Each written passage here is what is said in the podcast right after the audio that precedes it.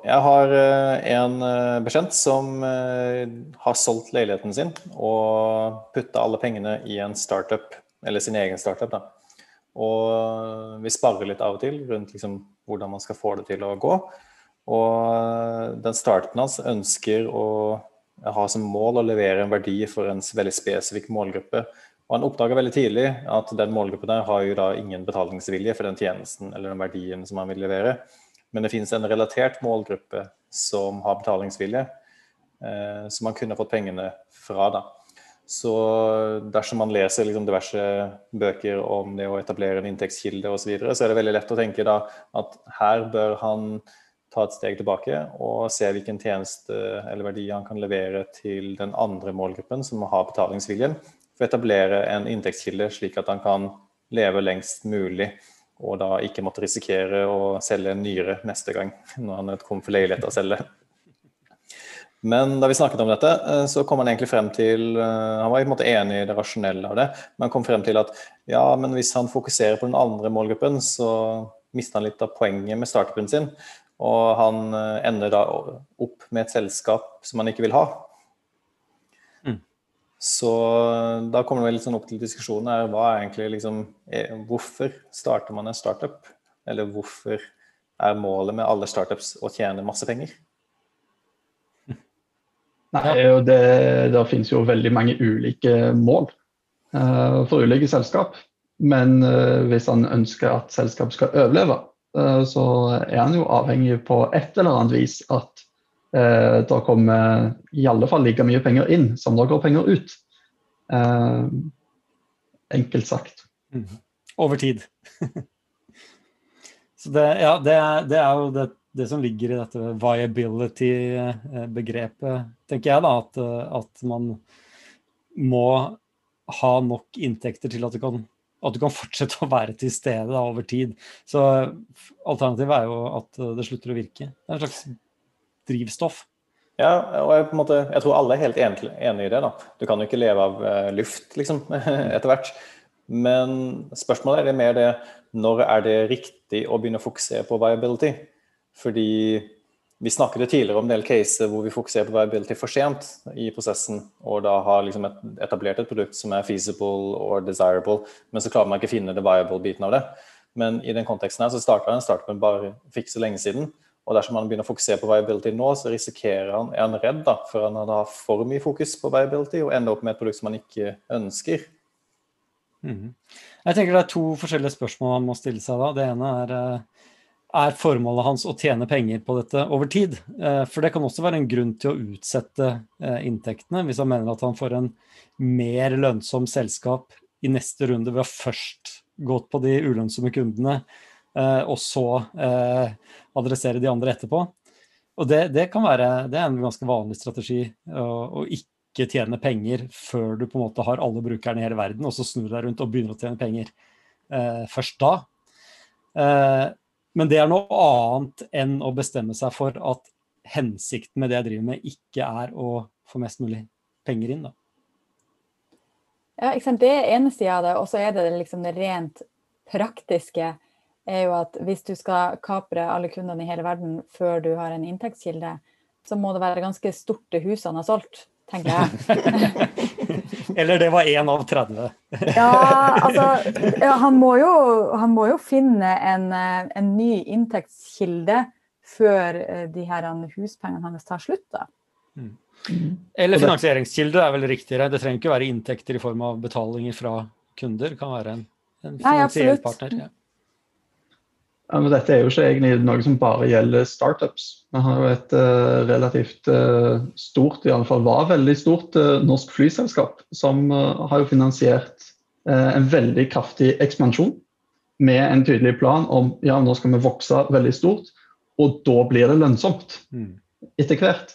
Men så har de blitt ramma av uforutsette hendelser og ting som har gjort at en har aldri kommet dit at en klarte å få den lønnsomheten, og plutselig så eh, står en med ganske store problemer fordi en ikke har hatt lønnsomhet tidlig nok.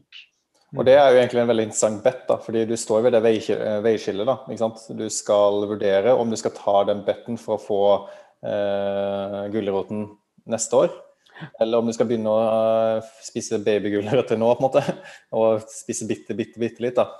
Og det som er vanskelig å se for seg, da, er at du, hvis du tar vei to, dvs. Si babygulrøtterveien, så kan det hende at det er vanskelig å pivotere tilbake til det du opprinnelig ville. Ja. Hvordan det håndterer man dette? Det Nei, det, det, dette er jo ting som uh, hvert fall de fleste investorer kjenner til. Uh, og, og, de kan være med på å ta den betten, uh, men du må gjøre det du kan for å redusere risikoen der. Og der kan det være å gjøre La oss si han gjør to salg da, til, til den mest lønnsomme kundegruppen. Bare for å vise at dette kommer til å gå bra når jeg snur meg mot det markedet, på en måte. og så Men klarer å sannsynliggjøre da, at innen så og så lang tid så vil jeg være i en enda bedre posisjon, og da går vi inn i, i dette, denne andre fasen. Uh, og da får du pengene tilbake. Ja, og Jeg kjenner litt på det som Mutte sa innledningsvis, at han risikerer her å ende opp med et produkt eller et selskap som han egentlig ikke vil ha. Eh, og da tenker i hvert fall jeg at eh, da er det lett å både miste motivasjon og fokus, og at det her bare koker bort i kålen. Så jeg er jo litt sånn, jeg tenker at det må jo være mulig å ut, Nå vet jo ikke jeg hva han har gjort allerede, men det må jo være mulig å utforske andre eh, inntektskilder eller måter å finansiere det på enn å switche målgruppe og, og lage et helt annet produkt enn det du opprinnelig hadde tenkt. Mm. Ja, det er litt mer på en måte innvikla enn det, og kan sikkert på en måte få han til å fortelle om det en gang. Men det er vel egentlig det at eh, det er en prosess eh, hvor da én målgruppe er en essensiell del av prosessen, og han ønsker å gjøre livet bedre for den ene målgruppen. Men de som betaler for dette, er i andre enden av prosessen. Så de er ikke på en måte frikobla. Det er liksom litt mer hvem er det man skal fokusere på først. Mm. Og dersom man skal gå viability-veien, altså den store nei, de baby gulrot-veien, så fokuserer du eh, på alle i den prosessen eh, like mye i starten for å på en måte gå opp hele verdikjeden og begynne å, liksom, å skalere eh, ved å gå mot andre eh, geografiske lokasjoner osv. senere. Eh, som er liksom mer sånn kanskje dybde først-søk, hvis man skal trekke analogien til softwareutvikling. Mens hvis vi skal prøve å gå liksom store gulrotveien som kommer neste år, så er det mer sånn bredde først-søk, hvor du prøver å lage det best mulig for første steg i den prosessen. Og så gamble på at du får pengene etterpå. Det er risikabelt med startups. Ja. Valget av de to retningene avhenger mye av risikoappetitt. Eh, for du kan jo være mer selvfinansierende og gå den såkalte babygulrotveien. og og, og jobbe den retningen. Eh, eller så kan du prøve å få med deg eh, en investor som har tro på prosjektet ditt, eller overbevise en bank eller noen andre om å gi deg et lån. Crowdfunding er jo en mulighet. Det finnes mange muligheter for å få inn penger. Eh, men da er du avhengig av å overbevise de som gir deg disse pengene, om at du vil lykkes med store Gulrotveien, og, og at det vil lykkes om et år. Og det, Da vil jo være en høyere risiko der jo lengre tidshorisont Eh, det er snakk om før du skal få den eh, return on investment. Mm. mm. Men jeg tenker jo at det i seg sjøl er en veldig fin øvelse for å faktisk teste verdiforslaget ditt. Mm. Altså det at du For det er jo lett å sitte og lage et eller annet som folk liker, men som man ikke er villig til å betale for. Det er masse ting som jeg liker, men som jeg ikke gidder betale for. Mm. men det å få noen til å faktisk putte penger, det er jo kanskje den ultimate testen. Mm. Ja, det er, altså, min, min, erfaring med startups er at det er en av de viktigste grunnene til at man mislykkes, er at man lurer seg selv. Man er, man er, så overbevist om at dette vil skape en verdi, og det vil være betalingsvilje når du kommer dit. Uh, og her, hvis han ser for seg lønnsomhet senere, når han skal snu seg mot noen andre uh, og, og, det føles Det er man så investert i mentalt selv at man tør ikke engang sjekke det. Uh, så, så, her må man liksom sette seg ned og faktisk si, sjekke om det faktisk er betalingsvilje. Det var litt det vi snakket om i, i noen episoder siden også, at gjør noen prøvesalg, liksom. Bare for å få på plass. Og det, og det er også informasjon som en investor vil si, se på som risikoreduserende. At du faktisk har klart å få til noen salg på den retningen som du kanskje skal ta seinere. Men det, er også interessant der, fordi eh, veldig mye av teorien tilsier jo at man skal teste ofte og fort, og du skal teste halvferdige ting for å teste om verdiforslaget ditt treffer noen. Eh, jeg husker vi snakket med Mats for lenge siden om mente. Eh, og det å lage en to do-app er jo liksom ikke det han vil teste. Eh, altså, det finnes masse applikasjoner og apper for det det han vil teste, er jo på en måte verdiforslaget for den tjenesten rundt. Da.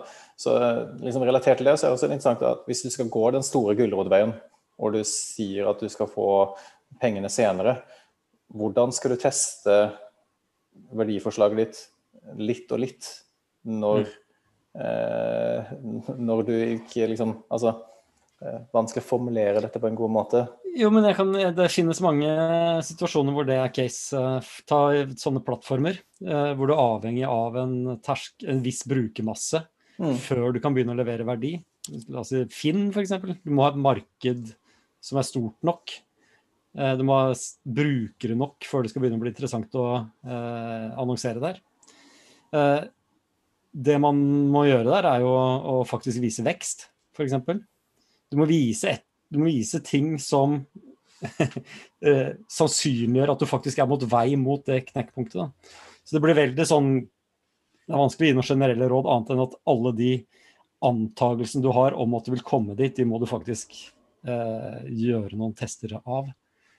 Um, eller, så, eller, kan man velge, liksom Jeg vet ikke om vi er på stor gulrot eller liten, eller hvor vi er, men, men eh, kan man velge en litt sånn eh, Tesla-modell. Det er sånn der, Jeg har egentlig lyst å drive med romskip, men jeg starter med batteri eller bil. Mm. Eller, altså, mm. Jeg tenker på Elon Musk.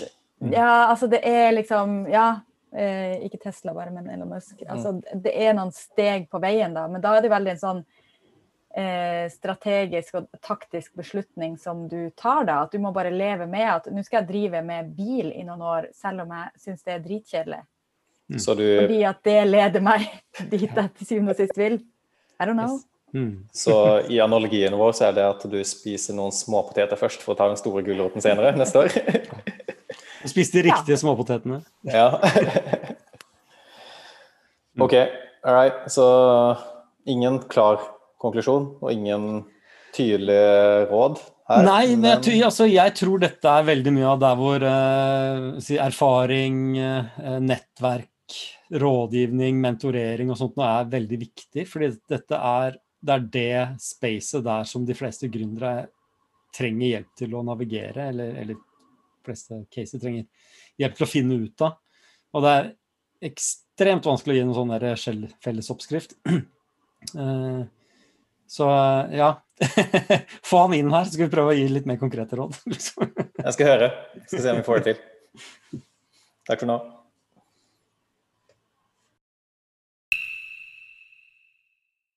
Drypp er en lavterskelpodkast fra Beck, hvor vi diskuterer diverse temaer som interesserer oss. Og Hvis du har et tema som du har lyst til at vi skal snakke om, eller du vil være med på en innspilling, ta kontakt på drypp.beck.no.